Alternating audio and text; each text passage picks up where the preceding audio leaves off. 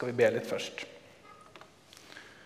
Kjære Gud, jeg ber om at du må bruke meg til å formidle ordet ditt i dag. Hjelp oss å forstå det, send Din Hellige Ånd, og la oss skjønne hva det har å si i våre liv. Amen. Dagens evangelietekst den skal vi ta opp her nå. Den står i Matteus 11, vers 16-19. Så jeg leser Jesu navn. Hva skal jeg sammenligne denne slekten med? Den ligner barn som sitter på torget og roper til hverandre. Vi spilte fløyte for dere, men dere ville ikke danse. Vi sang klagesanger, men dere ville ikke sørge. For Johannes kom. Han verken spiste eller drakk, og folk sier, 'Han har en ond ånd i seg'. Og menneskesønnen kom. Han spiser og drikker, og de sier, 'Se, for en storheter og vindrikker', venn med toller og syndere. Men visdommen har fått rett. Det bekrefter gjerningene hennes, sier Jesus. Og det her det er en tekst jeg aldri har lagt spesielt merke til. Det må jeg innrømme. Eh, men det er noen veldig spennende ting her. For det første så skjønner jeg ikke det bildet Jesus bruker på folket. Han sier den ligner barn som sitter på torget og roper til hverandre. Vi spilte fløyte for dere, men dere ville ikke danse. Og vi sang klagesanger, men dere vil ikke sørge. Hva betyr det? Og Videre så snakker han i siste setningen om at visdommen har fått rett. Og Det er visdommen med stor V, og det bekrefter gjerningene hennes. Så her er det tydeligvis en, visdommen er en person, og hvilke gjerninger er det snakk om? Og hva er det egentlig de bekrefter? Dette er ting jeg lurte på da jeg leste den teksten første gang. Og visdommen det er et nøkkelord her, så vi skal begynne med det. Eh, og så har jeg da lurt på hva er visdom. Og så noterte jeg meg ned noen tanker da jeg begynte å jobbe med dette. Og da tenker jeg at visdom det er iallfall et positivt lada ord. Det er noe man har lyst til å ha og få. I hvert fall har jeg det. Og det har kanskje noe med å være klok å gjøre. Gi råd. Gjennomtenkt. Forstå det beste i ulike situasjoner. Dette var ting jeg tenkte sjøl. Og så skulle jeg gjerne ha en eh, presis forklaring. Det er jeg glad i. Eh, men eh, du leste jo en definisjon, Solveig, som jeg også kommer med etterpå. Men jeg har også sett at det er egentlig ikke noe sånn omforent definisjon som er gitt. Folk er ikke helt presist enige i hva det er for noe. Og det er en del ting som går igjen. Det er mye om eh, kunnskap, Enten ikke bare teoretisk, men også praktisk kunnskap, som en håndverker f.eks. Noe med innsikt, en forståelse av sammenhenger, erfaringer. Det er praktisk retta. Og det å dømme rett og galt, eller moral, det er ikke en eh, filosofi, for det er mer teoretisk, men det er praktisk retta. Og så har jeg tatt med et bilde, som dere ser her. For meg er det selve visualiseringen av ordet visdom. En gammel, furamann som har eh, langt, hvitt hår og langt, hvitt skjegg. Har levd et langt liv og opplevd mye. Det er sånn jeg så for meg det her før jeg begynte å forberede talen. Så jeg har tatt med den definisjonen du ga, Solveig. At det kan defineres som kunnskap oppnådd av egen erfaring og dermed kunne dømme hva som er rett handling i en gitt situasjon. Så det handler om å finne ut hva er det som er rett handling.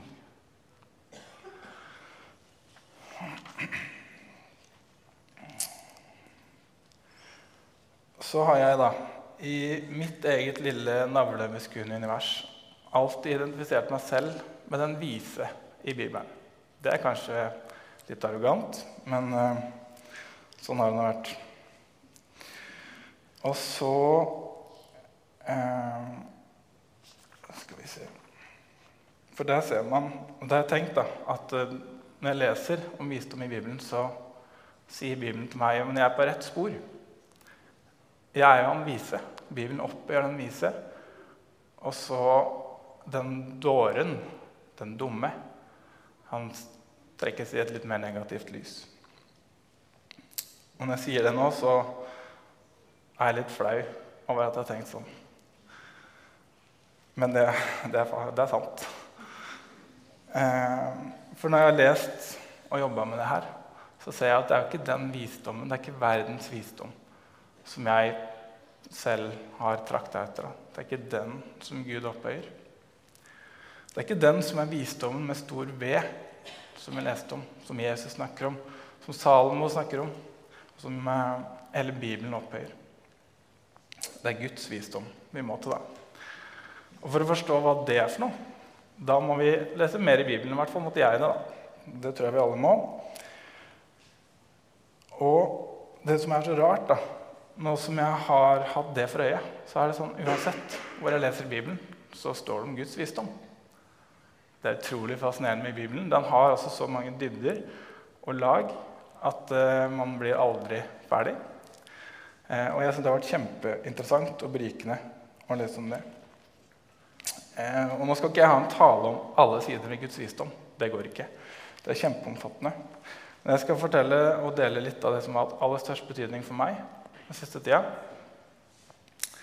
Men først så skal vi da bare se bare et lite overblikk på noe av det det står om Guds visdom, bare for å ha et bakteppe. Det er tre bøker som regnes som visdomslitteratur i Bibelen. Eller hovedvisdomslitteraturen.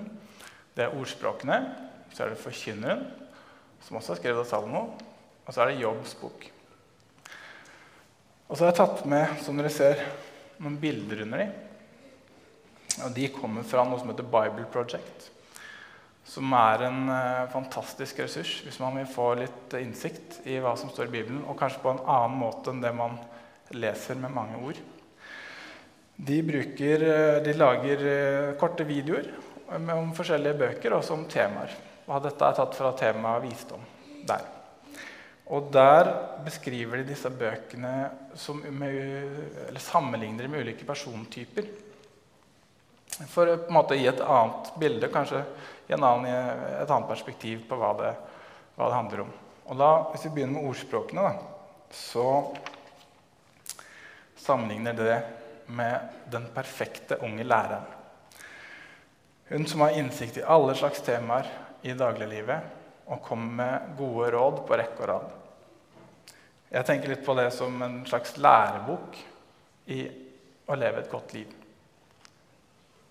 Og så kommer forkynneren. Det er den krasse, middelaldrende kritikeren. Det er sånn jeg føler meg sjøl noen ganger. Ting er ikke så rett fram som det som står i læreboka, som det man lærer fra denne unge læreren. Det går ikke alltid bra selv om man følger de rådene. Og det er ikke alltid sånn at det er så lett som det virker der. Og så til slutt så har vi jobb. Jobb det er han eh, som jeg viste bilde av i stad. Han gamle mannen som har levd et langt liv, erfart mye, både godt og mye vondt. Men han har lært seg at han kan alltid stole på Guds visdom. Dette var altså Bible Project sine eh, forslag på, på eh, metaforer for de ulike bøkene. For å forstå Guds visdom, så må man ha med seg alle disse perspektivene, tror jeg. Og kanskje mer til. Og det, det, skal jeg ikke gjøre, men jeg skal begynne med, eller vise dere litt fra starten av Salmos ordspråk.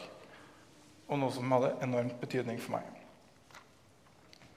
Og den setningen som virkelig traff meg da jeg begynte å lese der for litt siden, det er den i vers 7 i kapittel 1. Å frykte Herren er begynnelsen til kunnskap og de dumme forakter formaning og visdom. Og den første delen der, å frykte Herren, er begynnelsen til all kunnskap. For meg var det en sånn skikkelig skikkelig, Det traff meg rett i hjertet. Men jeg vil bare si først, å frykte Herren det betyr ikke at vi skal gå og være redd for Gud. Jeg tror ikke det er det som er ment, men vi skal ha respekt for Gud, og vi skal forstå, vi må forstå at det er der det begynner. Og når jeg da, som jeg sa, hadde mitt eh, litt arrogante syn på at, eh, at eh, jeg hadde visdom, og, og, på en måte jeg satte verdens visdom høyt, og så får man den der i fleisen Det var en vanvittig ydmykende opplevelse. Skikkelig eh, nedtrykking. Men for meg så var nok det en helt nødvendig korreksjon. Det er ikke sikkert at noen av dere føler det sånn. Men i mitt hjerte så betydde det der enormt mye. Jeg skjønte jo at jeg rett og slett er dåren, ikke den vise, i det vi leser. Altså Salomos ordspråk det er ikke bare de korte versene som vi ofte hører, og som ofte refereres til. Eh, de ni første kapitlene de har en del visdomstaler. Og I noen av de så er også visdommen personifisert, altså framstilles som en person. Både i kapittel 1 og i kapittel 8 og 9. Vi leste jo kapittel 9 i stad. Så skal jeg vise litt fra kapittel 8 først. Her står altså Visdommen forteller om seg selv. Herren bar meg fram som sitt første verk, før hans gjerninger i fjerne tider. Fra eldgammel tid ble jeg formet, i begynnelsen, før jorden ble til. Så det står rett og slett at visdommen var Guds første verk. Aller første. Og Den formuleringen den minner veldig om starten av Johannes evangelium, som beskriver Jesus før han kom til jorda som eh, et menneske. Der står det I begynnelsen var Ordet. Ordet var hos Gud, og ordet var Gud. Han var i begynnelsen hos Gud. Alt er blitt til. Alt er blitt til ved ham. Uten ham er ikke noe blitt til.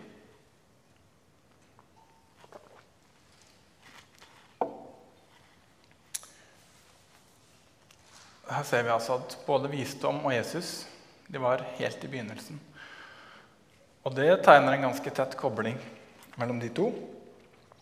Og det er faktisk sånn, oppdaga jeg, da, det var ikke jeg klar over, at eh, Paulus han forteller om Jesus, Jesus som den personifiserte visdommen. Det er Jesus som er den personifiserte visdommen, den visdommen med stor V. Det gjentar han flere ganger. Og det sier også den kristne tradisjonen. Jeg har aldri fått det med meg før nå. Ehm, så skal vi gå og se litt tilbake på den leseteksten som Solveig leste i stad. Og da vil jeg bare utheve noen deler av den. Nemlig at visdommen sier til oss, eller til den uerfarne, da, som jeg har skjønt at det er Du uerfarne, vend deg hit. Kom og spis av maten min og drikk av vinen jeg har blandet. Og i Bibelen så er måltid som inviteres til av visdommen, det er et bilde som er mye brukt på fellesskap. Så vi blir invitert til å ta imot visdommen. Det er ikke sånn at vi må være smarte eller kunne mye for å ta til oss av Guds visdom. Det handler om å ta imot det som Gud har å tilby. Og så tror jeg at Guds visdom det handler ikke bare om rett og galt direkte, men det handler dypest sett om å forstå mer av hva Guds rike er. Og den siste tida så har jeg gjenoppdaga en veldig fin kilde til det, nemlig Barnebibelen. For vi har jo en fireåring hjemme, og han er veldig glad i å lese den.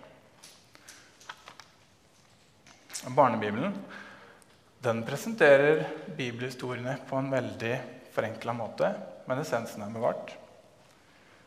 Historiene står på en måte nakne. De kan ikke gjemme seg bak lange setninger, kompliserte kontekstanalyser, fine ord.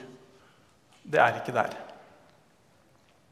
For meg personlig er det kjempeutfordrende. Fordi det er veldig mye som egentlig er på kollisjonskurs med min menneskelige kunnskap. Hos oss så har historien om Jonah og hvalen vært en favoritt lenge. Jeg leste den hver kveld i perioder. Og den historien den troner også helt øverst på min kollisjonsrangering. Jeg skal ta fram eh, et lite utdrag her og lese Det var ikke noe hyggelig sted Inni magen var det mørkt, og det lukta veldig vondt. Hver gang hvalen spiste, skylla fisk, sjødyr og vann over Jonah. Og I tre dager og tre netter var Jonah inne i fisken. Og mens han var der inne, ba han til Gud. Og Tobias han eh, stusser veldig på den teksten her. For det står det er mørkt, men det er lyst på bildet. Utover det så har ikke han noe problem med det. Jeg må akseptere at det er sånn det er. Mens jeg tenker det er lite luft, det er magesyre. Det er ikke et sted å være i tre dager i det hele tatt. Det går ikke an. Det skal ikke gå an. Det tenker jeg. Utrolig vanskelig å akseptere. Men så skjønner jeg jo også nå da, at Og jeg tror eh, uansett om det er på kollisjonskurs med mine tanker, så er det en historie som er med i Bibelen av en grunn. Og den kan være med å fortelle meg noe om Gud, og Guds rike. Og her ser vi i hvert fall at Gud er i stand til å gjøre ekstraordinære ting. Og så trenger ikke jeg forstå alt det, men det skjønner vi. Og det skal jeg ta med meg. Og da står det i Lukas Den som ikke tar imot Guds rike slik som et lite barn, skal ikke komme inn i det. Det bibelverset der det treffer meg nå så innmari hver kveld når jeg leser i Barnebibelen. Og det prøver jeg å ta med meg. Jeg tror det er en bit av Guds visdom. Vi har lest en annen tekst i dag òg, fra første Korinterbrev, hvor Paulus beskriver det utrolig godt. For ordet om korset er dårskap for dem som går fortapt. Men for oss som blir frelst, er det Guds kraft. Og dårskap er jo et ord som ikke jeg bruker i min dagligtale. Iallfall. Men eh, det kan man heller si at det er dumhet eller tull. Jeg tror Paulus han er ganske spissformulerende. og og er ikke redd for å ta i litt. Jeg tror han ville sagt det er idioti. Det, vil i hvert fall jeg, det er sånn jeg tenker da, at det betyr. Det er idioti for de som går fortapt. Men for oss som blir frelst, så er det Guds kraft. Og videre så står det For da verden ikke brukte visdommen til å kjenne Gud i hans visdom, besluttet Gud å frelse dem som tror, ved den dårskapen, eller idiotien, som vi forkynner. Så det er sånn at en del av bibelhistoriene de høres helt usannsynlige ut. De passer ikke med vår menneskelige kunnskap. Men jeg tror det er der mye av hemmeligheten i Guds rike og Guds frelsesplan ligger. Og Til slutt så oppsummerer Paulus det vi så tidligere, nemlig at for oss som er kalt, så er det Kristus, han er Guds kraft og Guds visdom. Så skal vi gå tilbake til den visdomsoppsummeringen og så ta og legge til litt. Fordi nå ser vi på Guds visdom. Og det første vi har sett, det er at eh, alt begynner med Gud. Vi skal frykte Herren. Så det må vi ta med helt øverst. Og så kommer det andre. Det må springe ut fra vår eh, frykt for Gud eller vår tro og tillit til Gud. Og så har vi sett at visdommen er personifisert i Jesus. Og da ultimate offeret til slutt, hans død på korset og gjenoppståelse. Og til slutt så har jeg skjønt det her er dårskap eller tull eller idioti hvis man ikke tror. Men det er der det ligger. Det er ikke på det som er min menneskelige kunnskap. Da kan vi begynne å nærme oss den evangelieteksten som jeg begynte med. Men aller først så skal jeg bare eh, se litt på konteksten der. altså det som, Hva som skjer før vi kommer til den teksten vi leste om Jesus som sammenligner slekten med folk, eller barna på torget. Og Det som er tilfellet da, er at eh, Jesus han er rundt og forkynner i byene. Og døperen Johannes han er i fengsel men han får høre om at det skjer ting. Så han sender disiplene sine for å spørre Jesus er det du som er Messias, eller må vi vente på en annen. Og Da svarer Jesus Gå og fortell Johannes hva dere hører og ser. Blinde ser, lamme går, spedalske renses, og døve hører. Døde står opp, og evangeliet forkynnes for fattige. Her er det viktig å legge merke til hvordan Jesus argumenterer for Johannes for å overbevise ham om at han er Messias. Han viser til sine gjerninger. Han viser til alt det overnaturlige og fantastiske som skjer der han er. Og Videre så kommer vi da til en situasjon hvor Jesus taler til en gruppe mennesker. og Han vitner om Johannes, døperen Johannes for dem. Han prøver, bruker tid på å prøve å få dem til å forstå hvem de er. Og Johannes forteller Jesus han er budbærer, og han skal rydde vei for Jesus. Og det er ingen menneske født av en kvinne som er større enn døperen Johannes. Og så kommer vi altså til dagens tekst.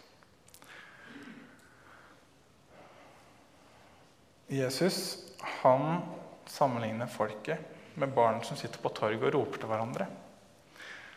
Så vidt jeg har skjønt, så er det ikke noen, Vi har ikke noen fasit eller konkrete historiske kilder på hva det egentlig er han beskriver. Men jeg har hørt en tale som, eh, hvor han som sa det, la fram hvert fall en hypotese som passer bra med det jeg tror Jesus prøver å formidle. Det han taleren foreslo, det var at disse barna på torget de leker en lek. I den leken så har de delt seg i to grupper. Og den ene gruppen de skal prøve å, å mime noe. Som kanskje de voksne gjør, men i hvert fall mime noe. Og så skal den andre gruppen prøve å skjønne hva det er, og på en måte vise at de har skjønt det, ved å mime noe som hører til, eller som passer sammen. Så I de to eksemplene Jesus nevner, så blir det omtrent sånn her. Den ene gruppa de lata som de spilte på fløyte. Den andre gruppa de skjønte det ikke. Og de som spilte på fløyte, de blir ganske oppgitt og sier hallo, vi spiller på fløyte, dere må jo begynne å danse. De blir litt oppgitte. Det er jo åpenbart. Og I neste eksempel så later de som de sang klagesanger. Men den andre gruppa de skjønte ikke det heller. De lata ikke som de sørga. Så den leken den funker ikke. Her legger de opp til at uh, dette skal gå greit, og så funker det ikke. Og så kommer det to nye eksempler, men denne gangen så er det folket som ikke forstår, ikke barna. For Johannes kom, altså døperen Johannes. Han verken spiste eller drakk, og folk sier han har en ond ånd i seg.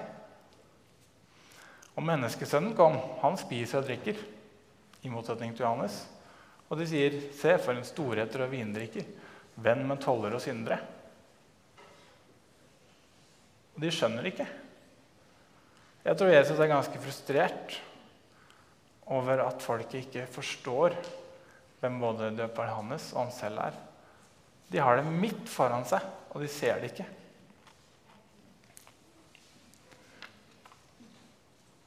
Og så, i siste setning, så står det Men visdommen har fått rett. Det bekrefter gjerningen hennes. Og nå har vi jo sett at visdommen her kan personifiseres i Jesus. Og det er Jesus. Han er oppfyllelsen av visdommen. Han er visdommen i person.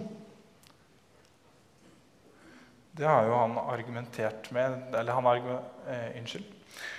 Og så har han argumentert med gjerningene sine overfor Johannes, døperen Johannes, for å vise at han er Messias. Og det folket han snakka til, de var sannsynligvis godt kjent med de gamle skriftene og bildet på visdommen og den personifiserte visdommen. Så Jesus han sier jo her at det er jeg som er visdommen, men dere skjønner det ikke. Og se på alt jeg har gjort. Likevel skjønner dere ikke. Jesus han er det levende eksempelet på Guds visdom i praksis. Til slutt så skal jeg oppsummere med tre setninger fra bibelversene, eller noen av bibelversene vi har sett på. Å frykte Herren er begynnelsen på all kunnskap. Og Kristus er Guds kraft og Guds visdom. Og ordet om korset er dårskap for dem som går fortapt, men for oss som blir frelst, er det Guds kraft. Jeg skal be litt til slutt. Kjære Gud, jeg ber om at du må hjelpe oss å ta til oss ditt ord. Takk for at vi har muligheten til å lese det, og at du sender inn Hellig Ånd, så vi kan forstå det vi leser. Hjelp oss å ta det inn i våre liv, og hjelp oss å sette deg først. Og alltid la alt annet springe ut fra det etterpå. Det ber vi med ditt navn, Jesus. Amen.